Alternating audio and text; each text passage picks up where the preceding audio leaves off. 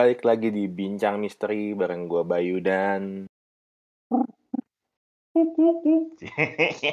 Semoga Arno di sini dan kita akan membahas mengenai suatu topik yang eits nanti dulu. Gimana? Eits nanti dulu. Tadi tadi eh, openingnya beda ya nggak kayak biasanya ya. Tadi itu kayak manggil itu nggak sih? Manggil piaraan burung gitu. Emang. eh, sebetulnya yang bawa yang ngaceng dia. Kesel banget. Goblok. Anjing. Bego bego. Oke men. Nah. Gimana, Gimana? Kabar kabar nih kabar. Ya, kita tahu lah ya.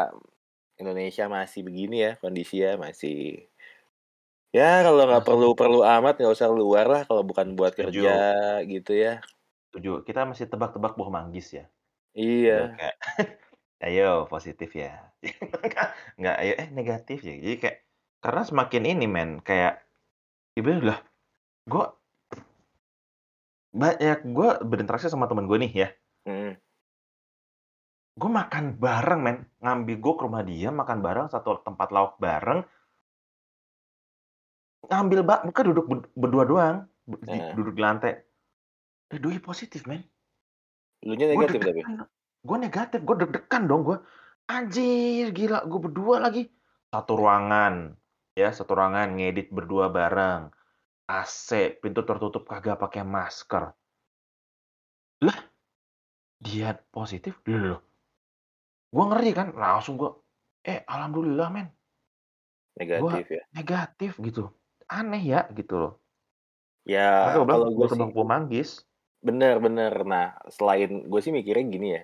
Selain kita tetap protokol kesehatan ya maksudnya maksimalkan pakai masker jaga jarak dan segala macamnya gitu ya nggak nggak ke tempat rame gitu. Eh, yang paling penting menurut gue supaya orang nggak sakit ini in general ya. Bukan Hmm. cuma covid doang. Yang pertama tuh makan cukup. Oke setuju gue minum Hmm. cukup. Hmm. tidur cukup. Iya, sama bersih. minimal bersih itu bukan bersih bersih yang tiap hari lu bersihin rumah lu habis pulang dari luar mandi Bener terus banget. sebelum makan cuci tangan terus habis pipis cuci tangan gitu Benar. itu udah harus jadi kebiasaan sih kayak gitu-gitu Misal, Dan- misalkan kalau Hmm. misalkan kayak gua gitu ya gue Mm-mm. sih ngasih contoh dari gue aja deh kalau gue kalau keluar terus balik lagi ke rumah kalau misalkan gue ngerasa gue nggak kotor-kotor amat misalkan cuman mau beli bensin gitu atau cuman ke minimarket paling gue nyemprot diri gue pakai itu nyemprot diri gue pakai disinfektan gitu ya terus cuci tangan Yes. dan gue nggak Yes. duduk di tempat di mana gue biasa duduk gue duduknya di ruang tamu biasanya Iya, benar. gitu nah tapi kalau misalkan gue habis keluar lama dan pengen maksudnya pengen ke rumah terus udah pulang gitu ya nggak bakal pergi-pergi lagi udah gue mandi aja sekalian gitu Harus mandi, bener. bener Kadang tuh sekarang sehari mandi dua kali tuh kayak kalau kita apalagi kalau gue misalkan sama lah kalau keluar nih terus eh, ke tempat ngopi ya gitu dekat rumah. Pulang itu gue udah pasti mandi biarpun di tempat kopinya tuh didisinfektan atau enggak eh, bersih, gue tetap mandi gitu. Karena menurut gue ya udah keluar lama gitu ya. Terus ya Hmm. sampai rumah harus mandi gitu, ganti baju langsung. Terus atau enggak kalau keluar cuma sebentar nih, sebentar dan deket dan nggak nggak nggak keringetan banget bajunya gue jemur harus kena panas dua hari kemudian baru gue pakai itu pun gue semprot lagi bajunya gitu kaosnya gitu. Jadi ya bener sih yang lu bilang bersih gitu. Eh, Mhm. dan sadly gue masih cukup takjub ya dengan beberapa teman-teman gue yang nggak bawa kerja nih kerja ya nggak bawa hand sanitizer. Lah gimana nggak bawa hand sanitizer nggak bawa misalkan nggak bawa tisu basah nggak nggak suka nggak suka cuci tangan tapi tiba-tiba makan nongkrong. Lah gimana gue kagak ngerti mindsetnya gitu. Emang kan harusnya kan emang harus bersih gitu hand bener. sanitizer mana? Nggak ada gitu. Jadi ya sekarang ya harus dari diri kita sendiri juga gitu loh. Seperti kata Ya. Michael Jackson if you want to change the world change yourself gitu. Apa sih, asik banget men. asik. Gila seperti kata Scottie Pippen gue juga kayak? Michael Jordan kok. Lah. gue juga saya gue juga sehebat Michael Jordan kok Cak. kenapa jadi dia? Kenapa jadi dia? Ya intinya sih gini ya maksudnya gue juga harus mengakui bahwa gue itu males ya bawa hand sanitizer sama Mm-mm. tisu basah karena berat gitu di tas apalagi gue nggak suka pakai tas ya gue sukanya di dompet bawa dompet aja disakuin gitu tapi Ya. gue mengkompensasikan dengan kalau di tempat umum kan banyak tempat cuci tangan atau di WC lu Betul, cuci tangan lah di betul. WC sebelum makan Harus. cuci tangan sebelum em, megang-megang apa pun cuci tangan gitu. Abis Iya, megang-megang betul. apa pun cuci tangan gitu. Jadi ya Harus. Itu sih balik lagi ya makan, minum, tidur, bersih itu sih empat Benar. kunci Benar, benar. kesehatan. Benar. Dan ini apa eh eh, itu itu kan tujuannya sekarang kalau kita makannya cukup, makannya cukup, tidurnya cukup, imun tubuh kita kan pasti naik, stabil gitu kan. Bener. Gitu. Jadi ya ya harus dijaga gitu. Ya, udah Gitu, kurangin lah begadang-begadang itu. Iya, janganlah hari gini kalau gini, kalau gini kalau bisa kita keluar tuh sesuai dengan keperluan lah gitu. Ya, apakah itu belanja, apakah itu Betul. eh, Meeting mungkin meeting, kerja atau apa yang hal-hal yang penting aja gitu. Jadi jangan ya kurang-kurangin lah nongkrong sama ya bukannya nggak boleh, cuman ya dipikirin lagi lah apakah teman kita itu aman atau enggak kita nggak tahu. Apakah pas kita ketemu kita tetap aman dengan pakai masker dan tetap cuci tangan kita nggak tahu ya. Ibaratnya sih balik lagi ke lu, Betul. jaga diri lu lah ya. Maksudnya Situasinya walaupun orang gimana? bilang orang bilang kan katanya Omikron kurang berbahaya dibandingin varian-varian lain tapi tetap aja tetap aja harus menjaga kesehatan gitu. Em sebelum kita masuk ke topik kita mau ngajak buat itu ya follow Instagram langsung aja di search ya Betul.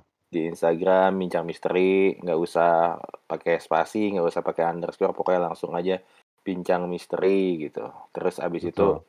di Spotify juga di follow bincang misteri namanya sama bincang misteri dan nggak usah pakai underscore nggak usah pakai apa pokoknya langsung ketemu gitu Mm-mm, yang pasti harus pakai eh, kuota atau wifi.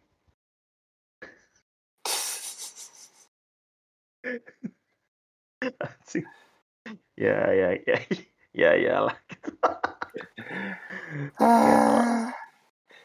Nah, tapi Oke. tadi sebenarnya Hmm. yang kita bahas di awal-awal tuh nggak melenceng dari apa yang kita mau bahas sekarang sih, no? Bus gila bridgingnya enak nih. Asik. Ya. Oh iya, sikat. Jadi kita mau ngebahas soal wabah-wabah yang paling aneh yang pernah tercatat dalam sejarah. Oke, yang pasti di sini kita nggak ngebahas mengenai wabah COVID ya, karena Ya. udah pada tahu semua dan udah bosen Hmm. gitu kan. Nggak bosan. Aneh juga udah enggak sekarang. Kalau zaman dulu kan aneh ya. Tahun 2020 awal udah aneh kan kita kayak Aneh "Buset, ada banget, penyakit. men. Apaan tuh? Tahu-tahu kata kita semua sedunia kena gitu. Mm-mm, super aneh tuh. Asli.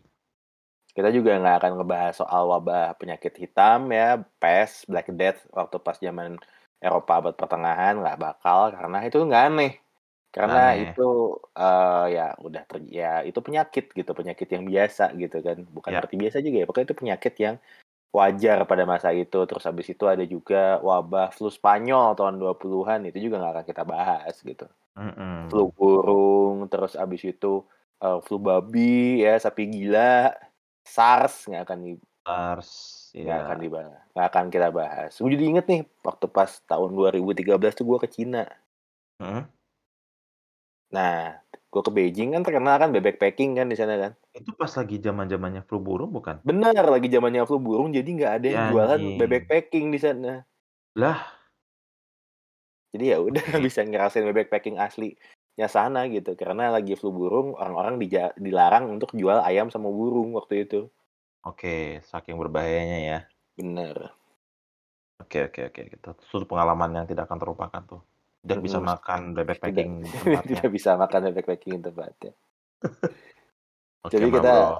mau bahas wabah-wabah aneh nih. Jadi kita ngomongin soal wabah ya. Wabah itu apa sih? Wabah itu eh Waria berdebah. Enggak sih. waria berdebah.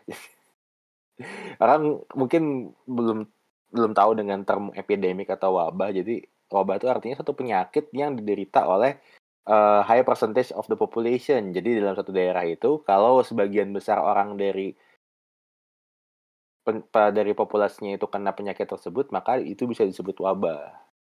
Oke. Gitu. Nah, tapi kadang-kadang nih wabah itu nggak cuma wabah penyakit ya. Nggak cuma Ya. penyakit fisik, bisa juga penyakit yang eh, mental atau stres. Itu bisa jadi wabah juga gitu. Oke. Oke, Nah, setuju gue. Betul. nah jadi ini kita eh, apa namanya? Kita mau main tebak-tebakan juga nih sama yang denger dari beberapa Hmm. kasus yang bakal kita bahas sekarang itu apakah wabahnya penyakit fisik atau penyakit mental gitu. Oke. Seru ya. Seru lah. Dan Epidemic. harus gue akuin ketika gue meriset ini dan gue sempat beberapa eh, kali nonton videonya di YouTube soal beberapa kasus ini lucu banget sih menurut gue. Oke. Aneh aja gitu bisa ada maksud gue kayak gini. apakah apakah pada saat wabah-wabah konyol ini merebak, obatnya ada? Nah, itu yang mungkin kita coba cari tahu ya. Mungkin nggak ada, mungkin ada. Nanti kita lihat Oke, men. gitu. Oke. Jadi ini yang pertama ya. Langsung Hmm. aja yang paling mungkin ini yang wabah aneh yang mungkin banyak orang udah tahu yaitu adalah wabah dansa atau wabah joget tahun 1518 di eh, kotanya ini di Strasbourg di Prancis. Ini aneh deh. Ini antara Maksud gue, ini antara wabah atau kesurupan massal? jadi jadi ada Kesurupan satu sekolahan gitu loh, men. ya itu ya itu sering banget ya di Indonesia ya, kesurupan satu sekolahan Aneh, ya. men. Aneh banget, sumpah. Cuma di sini, men. Nah Aduh. ini di Spanyol nih, eh di Spanyol, sorry maaf di Perancis. Jadi ada seorang perempuan namanya Bu Trofea. Jadi si Bu Trofea ini tiba-tiba dia pergi ke jalan, terus tiba-tiba dia dansa nggak dengan nggak bisa kekontrol gitu. Dansa terus terus terus dan nggak bisa berhenti. Oke. Terus abis itu eh, orang-orang tuh pada panik kan, kenapa nih orang nih dansa? Heeh. Tahu-tahu nggak cuman dia, jadi beberapa orang juga eh, laki-laki, perempuan, anak-anak semuanya dalam semingguan itu mereka suruh dansa, dansa sampai kecapean, pingsan, bangun dansa lagi gitu. Ini, sorry, ini seinget gue, itu zaman dulu ya. Gue nggak tahu detailnya gimana. Seinget gue, dulu itu tuh dansa tuh dilarang. Masa ya, tapi nggak tahu sih kayaknya dansanya juga bukan dansa yang gimana-gimana kalau gue baca-baca dia tuh kayak Heeh. dansa folk daerah sana gitu gitu. Aneh ya. an- Oke. Masalahnya sampai 400 orang kena gitu.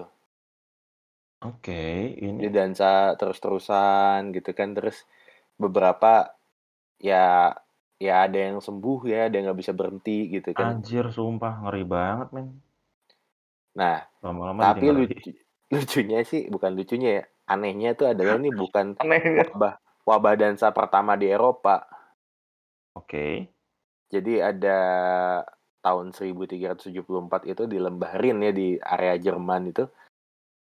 Jerman modern sekarang itu ada satu desa yang kena wabah yang sama dan si wabah ini tuh eh, nyebar ke Italia dan Luxembourg pada zaman itu gitu. Oke, I'm listening. Menyebar. Ha-ha. Jadi kayak jadi kayak gini loh, lu, lu bayangin dah lu lagi di GI gitu ya. Hmm.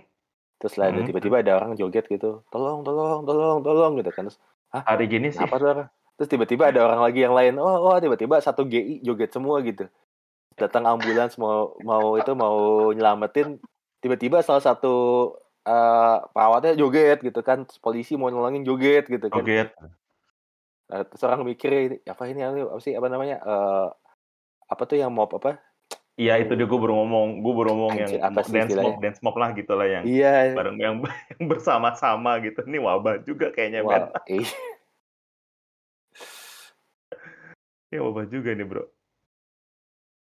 Tapi ah, jadi nggak pernah ada yang tahu ya penyebabnya apa. Heeh. Cuman ada beberapa yang mendiskusikan kayaknya nih orang yang apa namanya berkesimpulan tuh histeria massal pertama ya. Oke. Terus eh keracunan makanan secara massal. Oke. Ah, Sama Oke, aneh. ngetrends nget- ngetrends secara massal gitu loh. Ya, Gitu sih. ngetre ya ya ya. Ya, j- mungkin mungkin kalau gua rasa sih ya, kalau sudah eh, seperti ini mungkin si virusnya itu menyerang menyerang otak sih, kalau gua rasa, men. Ya kalau virus kalau bukan Iya, makanya kesurupan massal. iya Bisa jadi. Kayak kesurupan masal kan. Kesurupan masal itu kan masih istri masal gitu. Ada satu orang yang kena, yang lain tuh ikutan bukan karena ketempelan atau apa, tapi karena uh, kayak ikut aja gitu. Iya. Paham gue, ikutin tren. Anjir ikutin tren. Mungkin lu gini men, ini pemerintah pada zaman dulu mengeluarkan suatu uh, pernyataan siapa yang terkena wabah ini dikasih uang sekian untuk anggota keluarganya. Nah, joget. Joget lah ya kan. Gitu. Mungkin TikTok berawal dari sini kali men.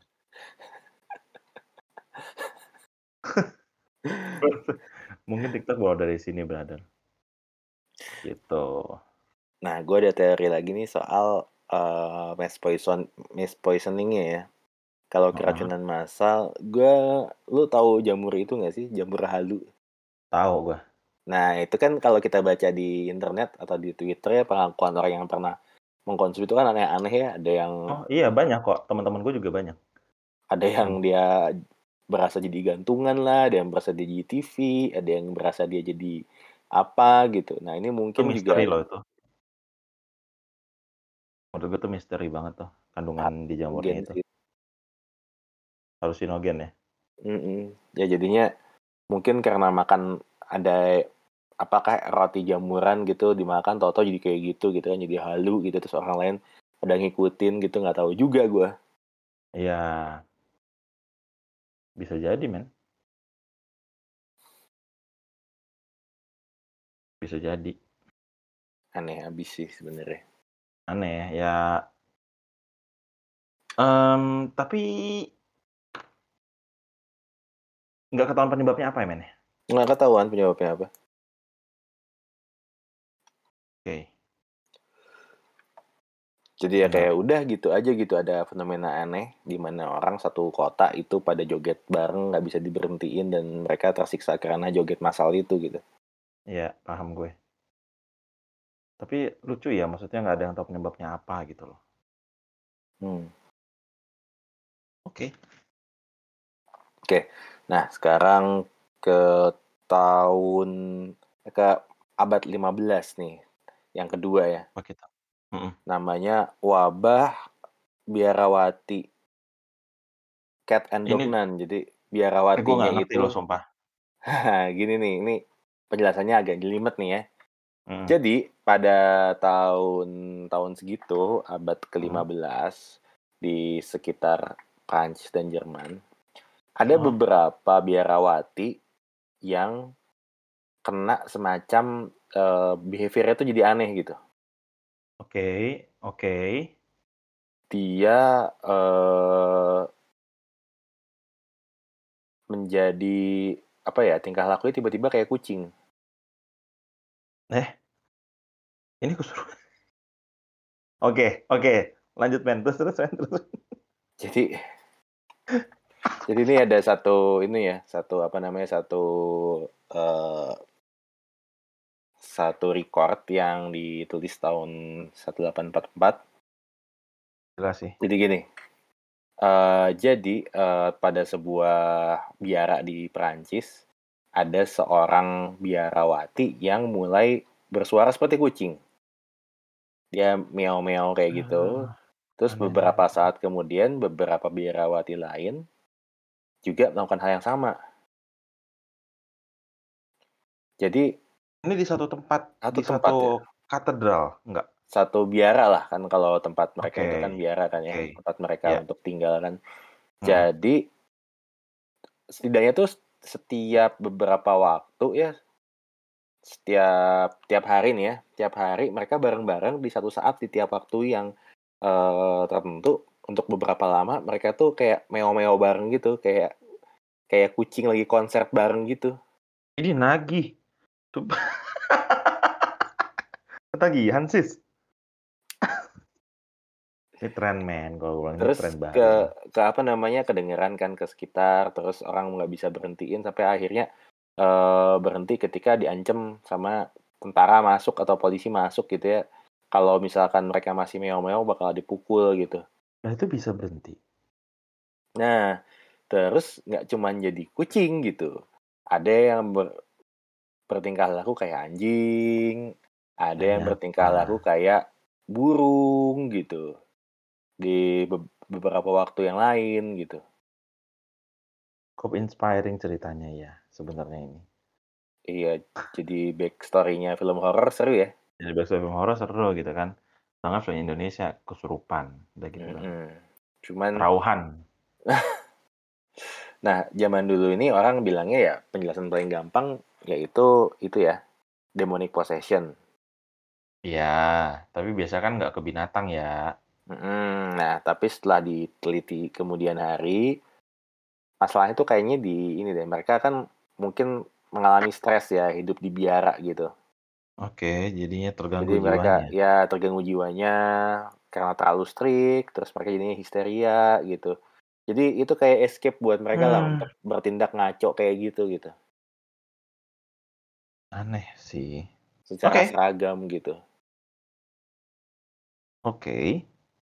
Nah, gue lagi Kalau di sini nih. tuh udah dibilang gini men, kalau di sini racun, eh keracunan, kera- kerasukan binatang mistis. Oh Di sini pasti iya, dibilang gitu deh. keracunan eh kerasukan kerasukan maung ya. mau. Lu bayangin men kalau di sini pasti gitu. Anjir banget lu ngapain lu? Woi woi woi. Ah. Kerasukan maung ya kan, harimau mistis merasuki eh, wilayah kabupaten apa gitu. Ah, sudahlah men, kalau di sini udah pasti gitu men. Pasti Iya. gitu. Ini mau bawa konyol sih. Oke. Kita coba lagi ya habis ini habis wabah anjing dan kucing yang melanda para biarawati. Ini Hmm. kita ke zaman modern, tahun 30-an. Oke, 1930-an. Hmm, namanya wabah eh, tukang gas misterius bukan geser tuh apa ya bahasa bahasa Indonesia ya geser. Jadi dia tuh jadi gini nih. Jadi ada Anjir. dua di area beberapa area di Virginia sama Illinois di Amerika Serikat Heeh.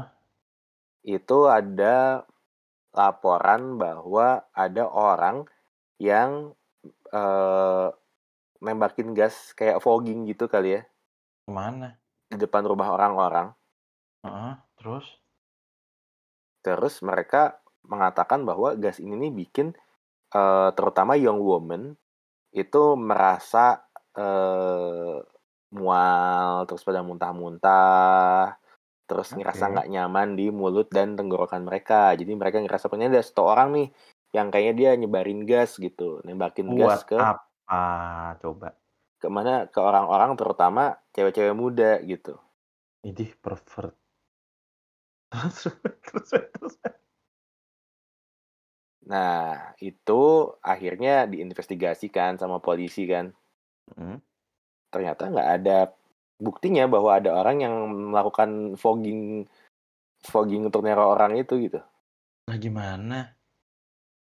ya kan terus Aneh mereka ini nggak pernah kejadian deh kayaknya mungkin mereka orang-orang ini pada either bohong terus pada bohong massal atau karena misalkan ada bau gas aneh dari alam yang mereka nggak bisa ngerti terus jadinya parno Mm-mm. atau yang paling masuk akal nih zaman-zaman itu kan zaman-zaman itu ya lagi panas pan lagi apa namanya lagi Great Depression terus kayaknya menuju ke arah perang dunia gitu.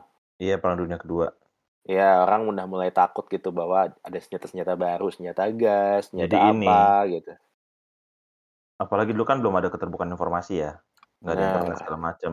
Jadi apa yang dilihat mereka tuh mereka percaya.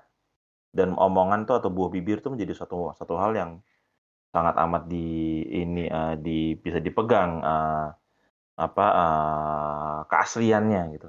Mereka akan hmm, menganggap bahwa oke ini beneran nih, oke beneran, ya udah langsung gitu. Gua rasa sih mungkin seperti itu ya. bisa jadi bisa jadi Mm-mm. Saking paranoid, paranoia aja, paranoid gitu loh men. paranoid jadinya paranoid ini kayak apa namanya ya kayak zaman inilah apa kejadian kolor hijau tau nggak lo Tahu anjir disempit siapa orang-orang lampu merah. pada paranoid gitu kan terus kayak dulu tuh eh penyakit itu dulu orang apa gosip AIDS disebarin lewat jarum yang di atau silet Ah, yang anjir. disembunyiin di Iya, iya. bioskop. Atau nggak di ini nih, gue inget banget tuh. Mandi bola Di bukan? mandi bola. Eh, ini mandi bola. Terus ini men, di di bawah tisu gulung buat di WC itu gue bilang. Oh iya. Gue bilang anjir, tapi yang paling serem sih men itu yang dulu salah satu ada yang prosotan dikasih silet. Mm-mm. Anjir gila tuh gue nggak kebayang men, sumpah men. Itu mungkin gara-gara ulah satu orang ngaco ya. Orang semua jadi takut. Nah, jadi paranoid semuanya. Terus banyak laporan, padahal nggak ada. Ya, padahal nggak ada. Gue rasa kayak gitu ya. Mungkin ya cara penyebarannya gue rasa sih. Hmm. Ya gitulah orang-orang jahat aja tuh dulu yang nyebar-nyebarin kayak gitu. Kan kasihan ya perosotan dikasih silet. Lu kalau ada masalah pribadi jangan bawa-bawa ke taman. Hmm. Gitu loh men. Kasihan. Gitu.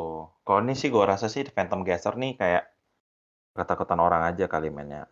Atau enggak, dulu mungkin bisa juga bahwa ya memang ada yang sengaja membuat ketak membuat ini kayak apa eh, menebar ketakutan gitu loh men.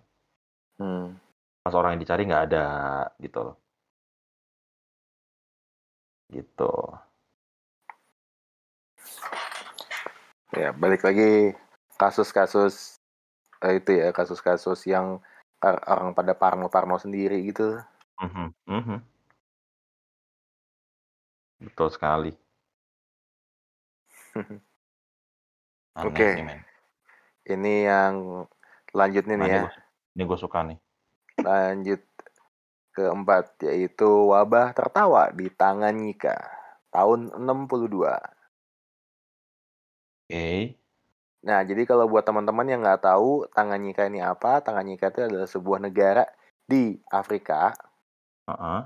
yang udah nggak ada, Oke. Udah nggak yang ada? sekarang udah jadi Republik Tanzania Oke, brother. gitu. Perlu diceritain nggak sejarah negaranya? Kayak nggak perlu ya.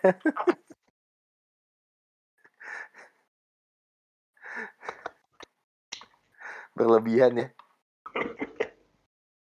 Tapi maksud gue ini eh tahun berapa nih, men? Tahun 62. Oke, 62 ya. Take note ntar. 62. Heeh. Nah, jadi kejadian itu awalnya ada tiga orang cewek sekolahan di sekolah itu tiba-tiba mereka ketawa nggak kekontrol gitu Dia terus terus eh, ketawa sampai nangis gitu sampai histeris ketawanya gitu kan Mm-mm. terus dari situ beberapa hari kemudian itu di sekolah itu sampai sekitar seribu orang tuh. Oke. seribu orang kena wabah ketawa ini sampai apa namanya si itu ditutup apa namanya sekolah ditutup terus beberapa sekolah yang dekat juga kena wabah ketawa beberapa masyarakat di sana juga ikutan kena wabah ketawa ini gitu. Gue rasa ini kayak kesurupan sih sebenarnya, ya bener. Jadi diinvestigasi sama eh, orang-orang medis. Jadi ya ini adalah histeria massal gitu. Bukan karena ada eh, keracunan makanan atau kena gas apa atau kena eh, sesuatu apaan gitu atau virus atau bakteri. Ya intinya ini adalah histeria massal gitu. Mungkin Gua rasa- karena stressful atau kenapa gue nggak tahu ya. Gue nggak tahu ya kondisi politik atau kondisi sosial di Tanganyika waktu tahun segitu tuh ada apa gue nggak tahu sih Berat banget, pasti struggle banget. Gitu. Dan gue rasa, men, ini mungkin jadi suatu inspirasi ini ya. Joker gas. hmm. Orang-orang pada ketawa gitu. Ya, bisa jadi, men. Tapi keren lah. Gue rasa ini kalau di Indonesia, ba- inspiring. Gue rasa ini kalau di Indonesia udah jadi serupan. ya sih Dan di sekolah lagi, gitu kan. Gitu. Lama-lama ada, lama-lama ada penjurusan exorcism. tapi lu perhatiin deh di apa namanya di kasus-kasus ini ya Heeh. itu tuh biasanya kalau nggak di sekolahan terus tempat-tempat yang masyarakatnya itu under a lot of stress kebayang Under apa? Under apa? Under a lot Under a of lot of stress stress, oh, uh, stress, oke. gitu. Jadi orang-orang tuh pada stres, pada punya hal-hal yang menekan mereka sehingga mereka jadi histeria gitu. Either ketawa Iya. lah atau pura-pura jadi kucing jadi burung atau mereka dansa terus-terusan. Gitu sih. Ah, oke. Ya, di saat orang stres, orang akan menjadi seseorang pri seorang pribadi yang lain sih. Bener bener. Gitu. Di saat ada di tepi jurang, orang akan melakukan segala hal untuk supaya supaya nggak jatuh. Hmm, Gitu. tapi bedanya ini adalah Hmm. orang yang dalam satu masyarakat tertentu. Jadi nggak cuma satu atau dua orang aja gitu. Iya, itu yang yang gue yang gua pertanyakan adalah kenapa bisa ada followers gitu. Jangan-jangan ini bukan wabah tapi suatu pemahaman lain. Cie, ya nggak sih? Tapi cih keren. Tapi uh, teori konspirasi. Tapi ini merupakan suatu paham, pemahaman lain di mana pemahaman tersebut harus ditiadakan sehingga laporan yang terkuak di permukaan adalah wabah. Padahal Hmm. mungkin dulu ini ada sekte atau pemahaman lain yang nggak nggak bisa diterima di uh, masyarakat. Ya, Mungkin ya, ya mungkin ya. mungkin. Tapi kalau gue sih punya pendapat, eh gue kan sempat inilah ya, sempat Mm, aktif lah pada zamannya kuliah dulu ya. mm. Kita diajarin namanya psikologi massa. Jadi gimana satu Mm-mm. orang, satu, sebuah masyarakat itu itu punya collective thoughts, punya collective action yang sama ketika satu keada- keadaan tertentu. Oh punya algoritmanya ya? Jadi gini, Kurang- eh gua di kantor atau di rumah adalah individu yang sifat dan tingkah lakunya A misalkan ya. Iya pasti berbeda. Ya, gua adalah orang yang misalkan gua adalah orang yang nggak anarkis gitu. Gua orang bukan Iya. anarkis ya, gua adalah orang yang nggak nggak Pendiam lah misalkan itu. diam gitu atau orangnya eh, santai-santai aja. Terus ada orang lagi yang lain easy going, ada orang lain yang Mm-mm. cinta damai, ada orang lain yang apa. Nah, kita semua itu punya kesamaan. Misalkan kita suka nonton bola, Oke. berangkatnya kita nonton bola ke stadion, terus Iya. kita berharap tim yang kita bela itu menang, ternyata nggak menang, mainnya jelek banget lah kayak ee lah pokoknya gitu. Heeh, heeh. Terus udah mulai emosi nih ya. Jadi satu masyarakat yang sama itu si pendukung bola ini emosi. Mm-mm. Terus satu orang nih ya, satu orang tiba-tiba memicu kerusuhan. Oke. Akan sangat mungkin buat gua yang di rumahnya gua ada ayam, gua akan sangat mungkin ikut ke dalam kerusuhan itu. Mungkin banget, sangat Ya kan? mungkin bukan. Heeh. Karena Betul mungkin sekali. gua kepancing, karena gua merasa gua harus membela hal yang sama, karena gua merasakan bahwa gua dalam posisi terancam, Betul, betul, lo betul. gitu kan. Biasanya kan biasanya gini loh. Ini sih eh, salah satu gua nggak tahu ya anekdot bener apa enggak kayak waktu pas zaman itu ya zaman zaman reformasi pada saat demo mahasiswa itu tuh ada satu kata yang pemicu kerusuhan jadi kalau nggak salah kata-kata kasar gitu Oke. Jadi lagi mahasiswa lagi demo aparat lagi berusaha ngamanin terus ada gesekan lah biasa lah ya gesekan adu Pasti, mulut pasti ada. adu mulut adu mulut begitu pada diem tiba-tiba dari satu crowd ada yang teriak kata-kata kasar mohon maaf nih ya Akhirnya kelamin cowok nih apa? kelamin cowok diteriakin gitu Oh gitu. Heeh, terus karena percikan itu Jadinya rusuh gitu rusuh langsung. Oke. Itu itu yang tercatat yang terbukti yang terlihat dan bisa dikuantifikasi gitu ya kalau ada kejadian-kejadian histeria massal tersebut gitu Betul, betul, Nah, betul. mungkin karena kurangnya pengetahuan orang zaman dulu, karena kurangnya dokumentasinya juga, atau karena orang udah terlalu panik, jadi Hmm. mungkin zaman dulu hal-hal kayak gini nggak bisa di nggak bisa di apa namanya nggak bisa dijelaskan secara gampang gitu apalagi udah tahun segini kita kan nggak bisa nanya ke orang zaman zaman itu Iya. Semua ini kan hanya eh, sejarah yang tercatat. betul Mm-mm. Apalagi yang tonton zaman dulu kan mungkin emang nggak ada videonya juga udah "Ih, video dari mana nih? gitu. Gitu. Jadi ya yang kita terima ini ya ya cuma cerita-cerita gitu doang heeh. Betul, men. Nah, ini nih kenapa gua ngebahas histeria massal segala macem sambil ngomongin masalah kelamin ya. Kar Hmm. Karena yang terakhir ini, nah ini yang paling gokil dari semuanya nih. Ada hubungannya semua semua yang tadi gitu. Oke. Oke, jadi Apakah? ini wabah penyakit koro tahun 67 di Singapura. Ya, oke. Ajar, men. Jadi teman-teman mungkin bertanya-tanya, penyakit koro itu apa sih gitu kan? Mhm. Jadi penyakit koro ini adalah sebenarnya adalah delusi ya. Oke. Delusi bahwa punya lo kelamin lo nih para cowok itu mengecil. Fucking asshole. Ini this is so weird, man. Dan kenapa ini bisa di seia sekata gitu, seramai-ramai gitu? Jadi jadi jadi gini jadi gini jadi gini. Jadi zaman dulu tuh lagi wabah di situ tuh lagi wabah flu, flu babi Tahun di berapa, men? tahun 67 di Singapura. Oke. Ya. Ini ceritanya lumayan runut nih. Jadi waktu itu lagi wabah flu babi. Oke. I'm Jadi babi-babinya tuh pada divaksin. Oke.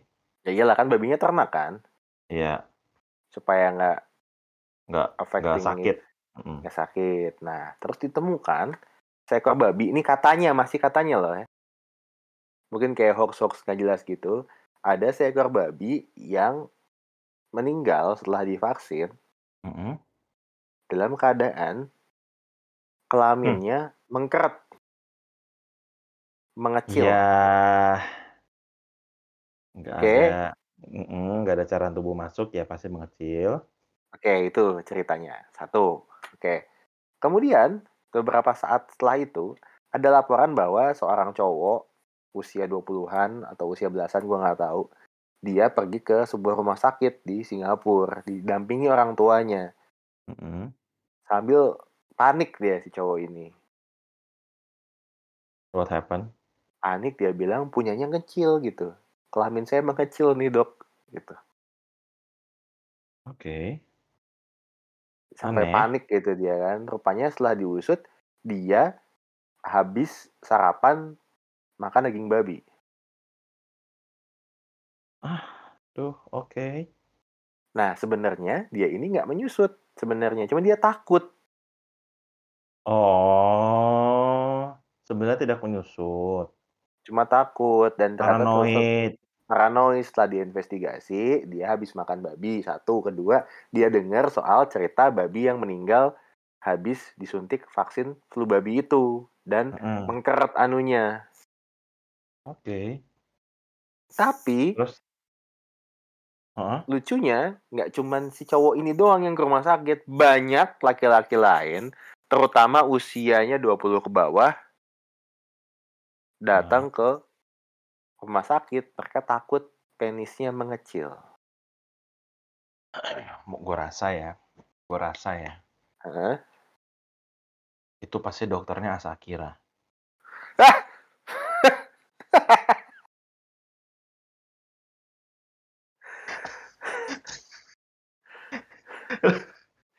Ini konyolnya udah tingkat dewa soalnya men, gue bilang. "What the- Shrinking nyusut itu kayak dan yang nyusut bukan cuma itu doang kan, nipples juga nyusut kayak kenapa harus yang di situ-situ? Jadi dan lu, lu, lu supaya tahu sebe- seberapa anehnya waktu dalam tanda kutip wabah ini itu, Mhm. mereka itu tuh sampai datang ke rumah sakit, saking paniknya tuh ada yang eh, anunya tuh diikat karet gelang, Ya, freaky. Ah, dijepit sama jepitan jemuran gitu. Fuck. So weird, man. Itu Terus terus lu bayangin gak sih lu jadi dokter nih ya, lu jadi dokter ya, lu udah sekolah tinggi-tinggi, tahun segitu mungkin di Singapura nggak begitu bagus ya eh, sekolah Ah. dokterannya, jadi lu eh, adalah dokter yang sudah berjuang gitu, lulus dari misalkan dari Inggris kayak dari Belanda kayak gitu ya. Ya, Ya. jadi dokter ini saya akan mengabdi pada negara saya Singapura gitu. Maju ke Singapura gitu kan. Eh, penyakitnya titit. Iya, lu datang nih. Keluhannya apa, Dek? Titit saya ngecil, Dok. Enggak tuh. Iya, tapi saya takut. Allah. Gitu. diapain ya dok ya diapain ya dok ya ya, diapain ya dok ya ya udah gitu terus abis itu datang lagi gitu kan kenapa Heeh. lagi nih iya gini dok lagi di lagi itu aku jadi curiga tuh aduh aneh dan banget ini fenomena kacau banget dan ini fenomena nggak cuma ada di sana doang ya. Ada juga di beberapa negara lain yang salah satu yang gue pernah nonton tuh di Hah? di itu di India. Jadi di India itu katanya bukan karena keracunan babi ya tapi kayak keracunan ikan tertentu yang dipanen dari laut gitu. Sampai satu desa nelayan tuh sampai hari itu tuh pada berhenti laut gara-gara takut punyanya pada mengecil gitu. Itu aneh banget ya men lu bayangin super maksudnya weird. Maksud gue gini loh terlepas dari penyakit itu bener atau enggak yang udah pasti nggak bener ya kalau misalkan ada gitu kejadian kayak gitu gitu ini membuktikan betapa insecure-nya para laki-laki ya kita laki-laki terhadap ukuran kita punya barang gitu. Yang gue penasaran adalah obatnya apa? Vaksin. Titiknya disuntik. Digampar kayak sama dokternya bisa ya gini-gini goblok lu pak. Pulang wah gila. Gila kan femdom. Apa femdom? Ya Allah. Anjir, gue banget sumpah tolol. Ini itu sumpah aneh banget sih wabah ini tuh ya Allah ya Robi. Aneh banget sih men. Gue nggak bohong. Gue penasaran obatnya. Gue tuh penasaran obatnya men. Nih ya nih ya obatnya tuh Hmm. tau nggak apa apa tuh menurut lu? obatnya tuh pasti obat kuat. Iya masalahnya mereka juga nggak perlu itu gitu, cuman perlu nggak takut lagi, cuman perlu tahu kalau nggak ada penyakit kayak begini gitu, nggak usah takut gitu. iya pasti obatnya obat kuat. Gue jamin obatnya pasti obat kuat nih. Gitu loh ah aneh-aneh aja Hmm. dok titiknya kecil cek ternyata sedikit eh apa minta obat kuat gitu Hmm. itu tisu magic Itu mah bikin kaku. katanya tuh bikin ini ya katanya tuh bikin kenceng ya bikin kaku bikin ba apa mati rasa ya bikin mati rasa. Berarti itu kalau petarung-petarung ya bro eh petarung jalanan gitu ya UF, UFC UFC gitu ya Aha. pasti badannya digosok depan Anjir.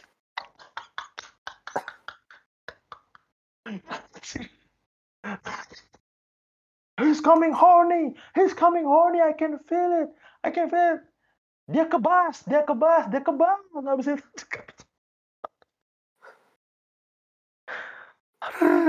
Tuhan, parah banget nih. Sumpah pengembangan dari penyakit corona emang banyak sekali manfaatnya. Aduh. Tolol banget. Kalau banget ya, lu bayangin tuh tahun-tahun segitu tuh. Padahal udah masuk zaman modern ya, tapi masih terbatas gitu. Ya mungkin zaman sekarang masih ya banyak ya, maksudnya hoax-hoax medis kayak Banyak eh lah, pasti. Ini, COVID lu, itu begini. terminologi lu bener. Ini namanya hoax medis. Ya kan terminologi lu COVID, bener COVID banget. begini, COVID begitu, terus minum ini, lu paling paling heboh tuh obat cacing itu loh, obat cacing jadi obat COVID tuh. Itu kasihan. Maksudnya kayak, ya once again ya, eh biar budayakan membaca lah gitu. Gue tuh paling Bener. against paling against sama itu. Kenapa? Karena harusnya ya mungkin itu meningkatkan kekebalan tubuh lo gitu. I don't think so ya, gue nggak Tapi ngerti sih. fungsinya bukan itu gitu, kebayang kan? Kebayang gue. Kalau misalkan mau meningkatkan kekebalan tubuh, ya kalau misalkan gini loh, gue sebenarnya agak-agak agak-agak kurang suka juga sama suplemen makanan, vitamin. Cuman kan kita zaman sekarang yang namanya makanan kita kadang-kadang nggak bisa milih kan. Kita makan di luar mau nggak Betul. mau kita Betul. nggak ketemu sayur nggak ketemu buah ya ya makan makanan Itu fast itu setiap hari kayak gitu. gitu. Jadi Dan harga harga makanan sehat sekarang harganya amit-amit gitu loh. sebenarnya sebenarnya sih enggak sih kalau kita mau ke warteg cuman kan kita cari cepat, cari Iya, gampang, iya, iya, iya, iya. ya kan? Cari cepat, cari gampang, jadinya udah makan enak, harga affordable, tapi gizi agak, agak kurang, makanya masuk akal Betul. zaman sekarang orang butuh yang namanya suplemen. Cuman kan kalau misalkan balik lagi ya ke ketika ketika kita sedang sakit gitu, kita kan kita mestinya nanya ke dokter dong gitu loh. Betul. Nanya ke dokter dong, "Dokter, saya kena Covid, saya harusnya minum apa?" Gitu. Gue inget tuh gue pernah ke dokter tuh dulu ya. Mhm. Lu nanya gitu kan habis selesai, "Dok, saya mau ada masukan nggak untuk saya misalkan supaya saya lebih sehat, vitamin gini-gini." Dimarahin gua. Kenapa? "Anda kalau mau vitamin jangan beli di apotek, belinya di toko buah atau di swalayan." Iya, iya, pernah ada ngomong gitu sama gue. Iya, beli sayur, beli buah itu. Oh. Ya, kalau sakit konsumsi buah. Betul. eee, temen gue dan dokter bilang kalau sakit tuh jangan beli itu, tapi lu makan buah yang banyak gitu loh, itu lu pasti sembuh gitu. Oh gitu, iya. Gitu. Gitu, cuman kan yang once again yang lu bilang tadi juga yang orang maunya cepet kan. Ya jadi mau nggak mau harus ada suplemen itu juga nggak salah ya, cuman kalau Iya. bisa ya makan sehat dulu gitu. Ya kalau nggak bisa ya nggak apa-apa gitu. Nah, Iya. buat teman-teman yang punya keluarga dokter atau teman dokter ya itu adalah kalian punya privilege gitu. Jadi kalian bisa Sangat, langsung. sangat, sangat, Nggak usah sangat privilege. iya, nggak usah nggak usah daftar rumah sakit dulu, nggak usah ke puskesmas dulu, nggak usah ke klinik, bisa langsung WhatsApp, "Eh, ini bagus nggak ya makan ini?" gitu. "Eh, saya lagi sakit ini, kira-kira makan apa ya? Saya udah ke dokter dikasih obatnya ini." gitu. Bisa cross check Mhm. 2 kali, bisa cross check vitamin apa yang bagus, bisa cross check Atau nggak bisa tanya, bisa tanya aja dulu by WhatsApp. Bener. Dikasih langsung dikasih resep kok gitu, jadi itu privilege banget.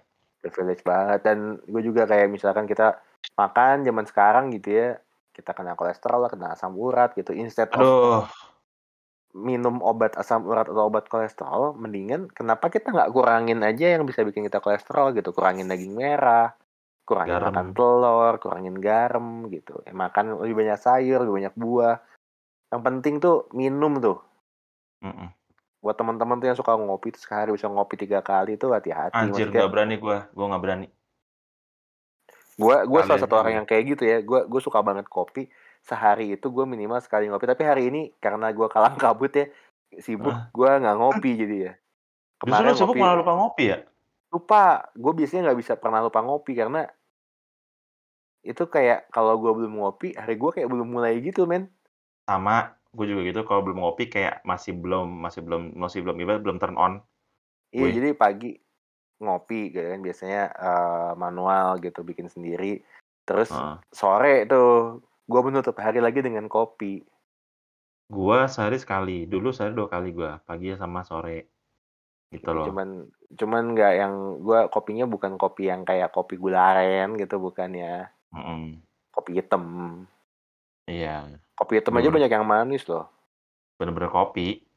Iya, maksudnya lu cari aja gitu kan, eee, ke kafe-kafe yang beneran gitu ya, yang kopinya serius gitu ya, bukan kafe-kafe yang, eee, terlalu Bukan banyak jual minuman manis gitu. bukan kopi kopi bukan kopi buat orang haus. Iya gitu, tanya gitu, "Biji kopi ini gimana rasanya? Manis nggak? Bagus nggak? Enak nggak? Asem nggak?" Gitu kan. Heeh. Nah, tapi tapi balik lagi ke yang tadi ya, jadi kalau lu suka ngopi atau suka minum teh, kompensasiin lah segelas kopi sama dengan segelas air gitu. Setuju banget, Bro. Jadi habis minum kopi lu minum air dengan jumlah yang sama supaya ya pencernaan lu lebih sehat, aliran darah lu lebih sehat juga gitu. Iya, setuju, bener bener banget. Terus kemudian kalau misalnya habis minum manis nih, Nah. ditakar aja sugar intake-nya gitu, maksudnya ya nggak usah yang takar apa ya, sok-sok bener bener sugarnya berapa kadarnya, nggak usah. Kalau udah minum 1 gelas yang manis ya udah cukup, nggak usah minum manis-manis lagi gitu. Jadi ya di bener-bener ya dikira-kira lah seimbang, banyakin air putih gitu-gitu. Betul. Kebanyakan sekarang Setu orang tuh kayak, ya udah habis gue udah minum gitu, minumnya apa, terus habis itu malamnya minumnya manis lagi gitu. Wah itu ngeri banget, men. Hmm. Gue nggak berani tuh gitu. Kacau, brother. Iya. Wah, tanpa sadar ya bahas kesehatan jadi lebih lebih apa namanya, lebih bermanfaat nih. Kita Bener, bahasan besok-besok kita undang Dokter. Boyke tuh, penuh misteri dia kan. Asik. "Hai hai hai, ayo cek kesuburan."